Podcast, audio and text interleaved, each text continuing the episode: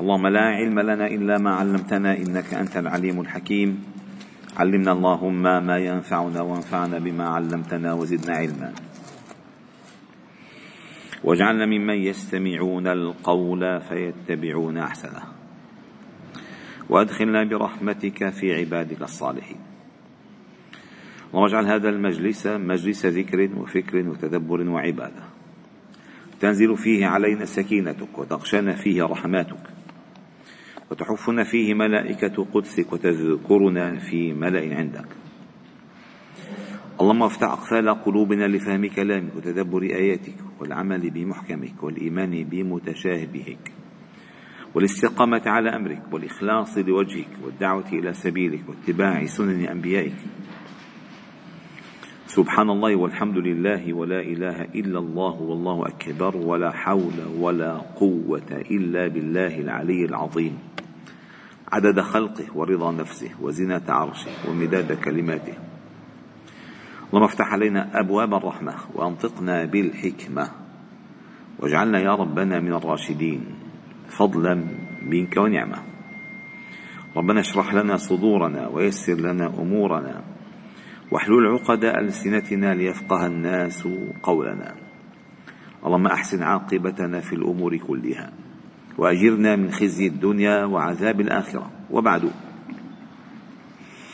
أيها الأحباب الكرام لا نزال معكم في سورة الطور.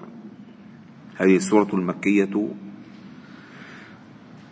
ذات تسع وأربعين آية والتي تحدثت عن الكون وما أقسم الله تعالى به وعن حجج الكافرين الواهية. وأن النار تنتظرهم وهم سيصلونها سواء أصبروا أم يصبروا وثم انتقلنا بالحديث إلى ما أعد الله تعالى للمؤمنين. فقال تعالى إن المتقين في جنات ونعيم فاكهين بما آتاهم ربهم. ووقاهم ربهم عذاب الجحيم. وعندما تتكرر تتكرر أو يتكرر لفظ الربوبية في كلا الحالتين يستشعر الإنسان حينها كم هو محتاج كم هو محتاج إلى أن يتحقق بمعنى العبودية ومعنى الربانية. فالله تعالى هنا قال فاكهين بما آتاهم ربهم. أي ما هم فيه؟ آتاهم ربهم إياه. ووقاهم ربهم. وما صرف عنه وما صرفوا عنه. كذلك وقاهم إياه ربهم. فهم ما هم فيه من نعيم بفضل ربهم؟ وما نجاهم من الجحيم إلا فضل ربهم. ففضل ربهم عليهم. والنبي صلى الله عليه وسلم عندما قال لن يدخل أحدكم الجنة بعمله قالوا ولا أنت حتى أنت يا رسول الله قال حتى أنا إلا أن يتغمدني الله بفضل منه ورحمة. فضل. الله رب. آتاهم ربهم وقاهم ربهم. آتاهم الجنات ونعيم ووقاهم عذاب الجحيم. يقال لهم يوم القيامة كلوا واشربوا هنيئا بما كنتم تعملون وفي سورة أخرى هنيئا بما أسلفتم في الأيام الخالية أي في الدنيا. متكئين على سرر مصفوفة. هذا الاتكاء أتى بعد طول عناء في الابتلاء والصبر على القضاء وتحمل الاعباء و يعني اقتحام العقبة. لا يكون الاتكاء إلا بعد تعب. تعب فاتكأ متكئين على الأرائك أو متكئين على سرر مصفوفة. هذه السرر المرتبة التي أعدت للمتقين. قال الله تعالى فيه قال سرر مرفوعة وأكواب موضوعة ونمارق مصفوفة وزرابي مبثوثة كل معدة كل معدة. قال وزوجناهم بحور عين. أي من نعيم الجنة أن الله عز وجل جعل لهم زوجات من من الجنة خلق أعد خاصة لهم خلق. فالحور ليس لا ينسبون لا إلى الإنس ولا إلى الجن. من هو الحور؟ هو الحور العين. الله أنشأهم. إن أنشأهن أنشاء فجعلنهن أبكار عربا أترابا. قال والذين آمنوا هذه آية عظيمة القدر أيها الأحباب الكرام.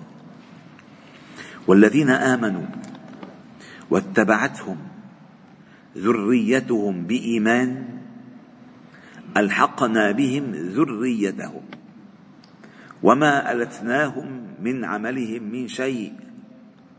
كل امرئ بما كسب رهين. الذي يحمل قضية الإيمان بين جنبيه ويجعلها ماثلة بين عينيه ويبذل في سبيل تحقيقها كل ما يملك أو كل ما يملك من غال ونفيس ورخيص. لأنه فعلا إن تفكر الإنسان بالقضية بعمق لا يمكن لا يمكن أن يكفر مؤمن. المؤمن لا يكفر. إذا دخل الإيمان القلب لا يمكن أن يخرج منه. أبدا. ولكن إن دخل فيه ريبة فيه شك فيه تردد لا يلبث أن يغادر لأن القلب يحتاج إلى شيء يتمكن منه. لذلك عندما سأل هرقل أبا سفيان في محادثته الشهيرة في صحيح البخاري قال وهل يرتد أحد منهم من أصحابه سخطة لدينه؟ قال لا. قال وكذلك الإيمان إذا خالطت بشاشته القلوب لا يخرج لما ذاق عرف. لذلك المؤمن لا يكفر والمحب لا يكره. ما في قلب من محبة لا يكره. يحب الخير يحب الخير للناس كلهم. والله حتى لأعدائه يحب الخير. اللي يحب فعلا. الذي يحب لا يكره. والذي يبغض لأنه لا يعلم, لا يعلم قيمة المحبة. كذلك المؤمن لا يمكن أن يكفر. لذلك قال بعض الفقهاء هذا المرتد اسمه مرتد. هو بالتفصيل ارتد عن الإيمان. وهو ما أسلم السنبل ما دخل ولما يدخل الإيمان في قلوبهم متى تمكن الإيمان من القلب. فلذلك دغري ترك عند أول منعطف ومن الناس من يقول آمنا بالله. فإذا أوذي في الله جعل فتنة الناس كعذاب الله. ومن الناس من يعبد الله على حرف فإن أصابه خير اطمأن به. وإن أصابته فتنة انقلب على وجهه خسر الدنيا والآخرة. منجرب ماشي الحال منكمل ما مشي الحال منغير هذا منه إيمان. إنما المؤمنون الذين آمنوا بالله ورسوله ثم لم يرتابوا. ما في ريبة في يقين. فهؤلاء المؤمنون من حملوا من حملوا قضية الإيمان حقيقة ماثلة يقينية في حياتهم الله جل جلاله من واسع رحمته وحكمته أتبعهم ذريتهم بإيمان. فجعل هذا النور العظيم يمتد يمتد في الذرية يمتد في الذرية. فأتبعهم الله جل جلاله ذريتهم بإيمان ببركة إيمانهم. كما الله تعالى قال في سورة الكهف وأما الجدار فكان لغلامين يتيمين في المدينة وكان تحته كنز لهما وكان أبوهما صالحا. فأراد ربك أن يبلغا أشدهما ويستخرجا كنزهما رحمة من ربك. الله أكبر. فقال هنا واتبعتهم وفي قراءة وأتبعناهم ذرياتهم بإيمان. واتبعتهم ذريته واتبعتهم ذريتهم بإيمان ألحقنا بهم ذريتهم. سبحان الله يعني وصلوا إلى المنازل نفس المنازل. يعني الأب عمل خير يوم القيامة من رحمة الله تعالى به يجعل ذريته المؤمنة معه في نفس الدرجة. الله أكبر. هذا كرم من الله. كرم. لأن تقر العين. ربنا هب لنا من أزواجنا وذريتنا قرة أعين. تقر العين. وجد نفسه في الجنة وأولاده على الحق والإيمان والخير فالله أتبعهم إلى الأصول. الذرية أتبعت الأصول وأتبعناهم. ذريتهم بإيمان. ألحقنا بهم ذرياتهم وما ألتناهم من عملهم من شيء. ما أنقص الله تعالى شيئا من أجورهم. أبدا. ألت ألتناهم أي أنقصناهم. وما ألتناهم من عملهم من شيء. كل امرئ بما كسب رهين. يؤتى يوم القيامة بالصحائف فيقرأها فلان. فيجد فيها كثير عمل. كثير عمل. فقل يا رب ما عملت هذا الأعمال من أين أتت هذه الحسنات؟ هالرصيد ليش طلع؟ قال من استغفار ابنك لك.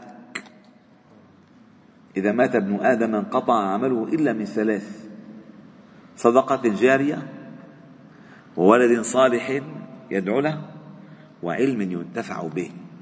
هذا الولد الصالح الذي نحن الآن نحارب من أجله. كل ما ترونه أيها الأحباب الكرام ليس الهدف أنا وأنت. نحن خلص خلص نحن يبس العود عندنا يبس. القصد الأجيال القصد الأجيال أن تنحرف. الأجيال أن يدخلوا إليها الشبهات ويأسروها بالشهوات فيملكون بذلك نواصيهم. أسيرية هن بيصيروا أو أسار الدعاية والموضة والإعلام. يدفنون بعقولهم لا عقل لهم. ما في عندهم مثل أعلى. يعني مثل الكوسية عم تحشيها بس تتلقى. ويفعلون ذلك في مدارسنا حتى وإن كانت إسلامية. وقبل في حتى الحاضنات تبعت الصغار. بتلاقي كله موجه. ثم مدارسنا ثم جامعاتنا ثم إرادة إذا أردنا أن ينخرط أن ينخرط في المجتمع بهذه الشهادة التي حصل عليها يكون له مسار خاص. ما الكل بيوصل ما بده. ليش؟ كله مدروس. حتى ينزعوا الأجيال ويفسدوا الناس. أما هنا واتبعتهم ذريتهم بإيمان ألحقنا بهم ذريتهم. يعني الإنسان دائما يسأل الله عز وجل أن يكون ببركة ببركة أحد من آبائه أو أجداده دعوة خير أن يكون هذا الخير الذي هو فيه ببركة هذا الدعاء. لأن توفيق من الله. ثم قال الله جل جلاله قال كل امرئ بما كسب رهين. هذه قاعدة. مثل القاعدة الأخرى بل الإنسان على نفسه بصيرة. الإنسان رهين عمله. كما تدان يعني تدان كما تفعل.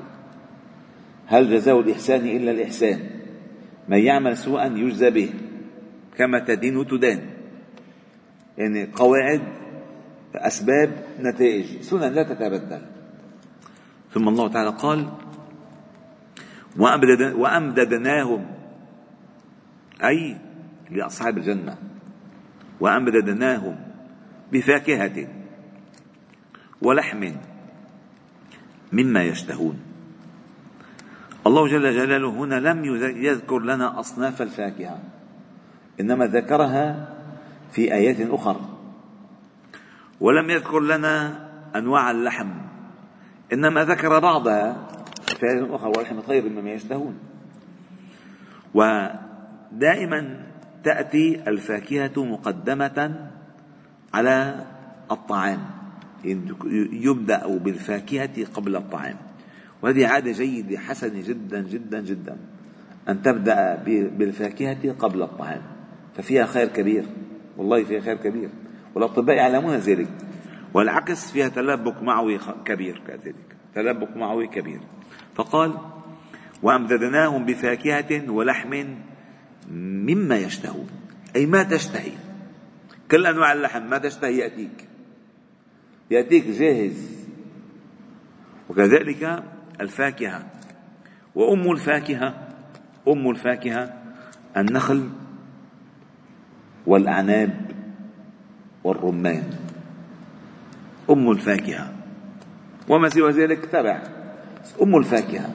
نخلة فاكهة ورمان وجنات من نخيل وأعناب. جنات نخيل أعناب رمان. هذه الأساس. فقال يتنازعون فيها كأسا. هذا الكأس التي من نهر الخمر لا لغو فيها ولا تأثيم. والله جل جلاله عندما ذكر الجنة ذكر فيها أربعة أنهار. فيها جنة فيها أنهار من ماء غير آسن. وأنهار من لبن لم يتغير طعمه وأنهار من خمر لذة للشاربين وأنهار من عسل مصفى. أربعة أشربة تنتظر المؤمنين يوم القيامة. وما لم يذكر الله تعالى لنا يمكن أكثر بكثير أكثر بكثير. ولكن أمهات الأشربة الماء العذب الزلال الذي لا يأسن واللبن الذي لم يتغير طعمه والخمر التي لا فيها غول ولا تأثيم والعسل المصفى الذي كله متعة وكله شفاء. فقال هنا وأمددناهم بفاكهة ولحم مما يشتهون يتنازعون فيها لغوا. يعني كان عم تبرم الكؤوس عليهم كانوا يلا بدنا هيك لا ما أنت خذها يطوف عليهم ولدان مخلدون بأكواب وأباريق. وكأس من معين. وتذكرون عندما فسرنا لكم ترتب هذه الألفاظ بأكواب وأباريق وكأس. الكوب إذا لم يكن فيه شيء يبقى كوبا. والإبريق الذي تسكب منه إلى هذا الكوب. فإذا وصل داخل الشراب إلى الكوب أصبح كأسا. فهمتوا كيف؟ لا يقال للكأس كأسا حتى يكون ممتلئ سواء بماء بعصير بلبن بخمر باللي هو. الكأس اسمه كأس إذا امتلأ. وإذا لم يمتلئ اسمه كوب. وما يسكب في الكوب حتى يصبح كأسا هو الإبريق. بأباريق بأكواب وأباريق وكأس. من معين. هنا نفس القال قال يا فيها لا لغو فيها ولا تأثيم. لأن عندما يأخذ في الدنيا عندما يشرب الإنسان الخمر أولا يأسم ثم يتكلم بما لا يدرك. يلغو يلغو يلغو مثل هلا شايفين العالم سكرانين من غير خمر ولا؟ لا؟ غير خمر. ويطوف عليهم غلمان لهم. كأنهم لؤلؤ مكنون. كذلك هذا خلق خلقه الله تعالى لأهل الجنان. غلمان دون البلوغ كأنه اللؤلؤ هم هم خدم أهل الجنة جنة. سبحان الله. تخيلوا المنظر منظر جميل جدا. شوف لك تعرف الولد حركته سريعة؟ هو يعني أي أي جنس بشري سواء كان بالهنود ولا الصينيين ولا الأفارقة ولا ولا. هالفترة من العمر كله حلو كله جميل؟ فعلا غلمان لهم كأنهم لؤلؤ مكنون. ثم الله تعالى قال وأقبل بعضهم أي أهل الجنة على بعض يتساءلون ما الذي حصل لنا؟ أين كنا؟ أين أصبحنا؟ ما هذا الفضل العظيم؟ قالوا إنا كنا قبل أي في الدنيا. في أهلنا مشفقين. مشفقين من ماذا؟ من عذاب الله. نخاف مقام ربنا. مشفقين. فمن الله علينا. شفتوا المن. ووقاهم. آتاهم. من الله علينا؟ هذا ليس من عندنا. لو لم يمن الله علينا ما حصلنا على شيء. ادخلوا الجنة برحمتي. برحمتي. والنار بعدلي فدخول الجنة برحمة الله. ودخول النار بعدل الله. سبحانه وتعالى حكم عدل. قالوا إنا كنا قبل في أهلنا مشفقين. فمن الله علينا ووقانا عذاب السموم. إنا كنا من قبل في الدنيا ندعوه. إنه هو البر الرحيم. وفي قراءة نافع إنا كنا من قبل ندعوه أنه هو البر الرحيم. أي تعرفنا عليه ببره ورحمته وإحسانه وامتنانه. فكنا ندعوه لأن نرجو رحمته ونخشى عذابه. كنا ندعوه لأن الله تعالى يجيب دعوة الداعي إذا دعاه. كنا ندعوه لأن الدعاء هو العبادة. كنا ندعوه لأن الله يحب أن يسأل. وهذا تحقيق العبودية. فقال إنا كنا من قبل ندعوه إنه هو البر من أسماء الله تعالى أنه بر.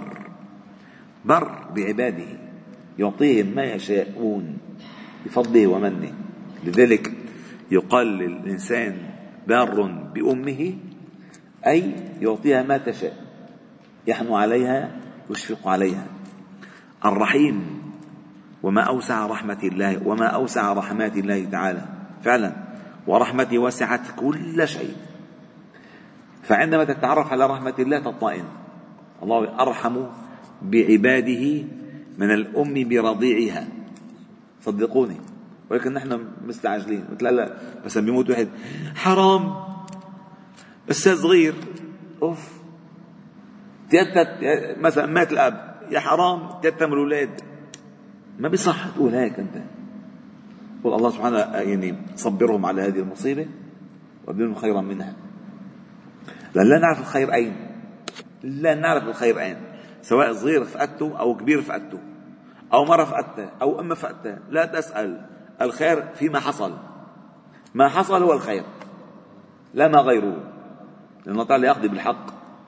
قال إن كنا من قبل ندعوه إنه هو البر الرحيم. هنا انتهى المقطع الذي يصف أهل الجنة ويصف أهل النار. ثم اتجه الخطاب مباشرة إلى النبي صلى الله عليه وسلم في تعليم المحاججة والمناظرة لأهل قريش. وهذه الآيات لم يتكرر مسيلتها أو مسيلها في كتاب الله تعالى أبدا. خمسة عشر استفهاما وراء بعض. أم أم أم أم أم أم أم أم أم أم أم أم أم لهم إله غير الله سبحان الله عما يشركون فالله تعالى قال فذكر فما أنت بنعمة ربك أي بالنبوة النبوة هي النعمة فما أنت بنعمة ربك بكاهن ولا مجنون أي لست كاهنا ولست مجنونا لا. لست كاهنا تؤلف الكلام ولست مجنونا لا تفقه ما تقول. أبدا أنت تقول بالحق وما ينطق عن الهوى إن هو إلا وحي يوحى. أم يقولون شاعر؟ نتربص به ريب المنون. هنا بدأت سلسلة الاستفهامات الخمسة عشر في هذه السورة. أم يقولون شاعر؟ وبدأ الله تعالى بالشعر عندهم لأن الشعر كان هو هو. يعني هو المبرز بينهم. الشاعر. وهم هم كانوا يعني يرون أنفسهم بشعرهم بفصاحتهم ببلاغتهم. فأم يقولون شاعر نتربص به ريب المنون أي نزول أي نتربص به نزول الموت فيه. ريب المنون المنون الموت المنية. النساء شاعر سيحصل له كما حصل للشعراء من قبل. عندما خرجوا إلى الشعر فجأة فقالوا قصد ثم ماتوا فورا. قل تربصوا. فإني معكم من المتربصين والحمد لله رب العالمين. سبحانك وبحمدك نشهد أن لا إله إلا أنت. نستغفر ونتوب إليك وصلي وسلم وبارك على محمد وعلى آله وأصحابه أجمعين والحمد لله رب العالمين.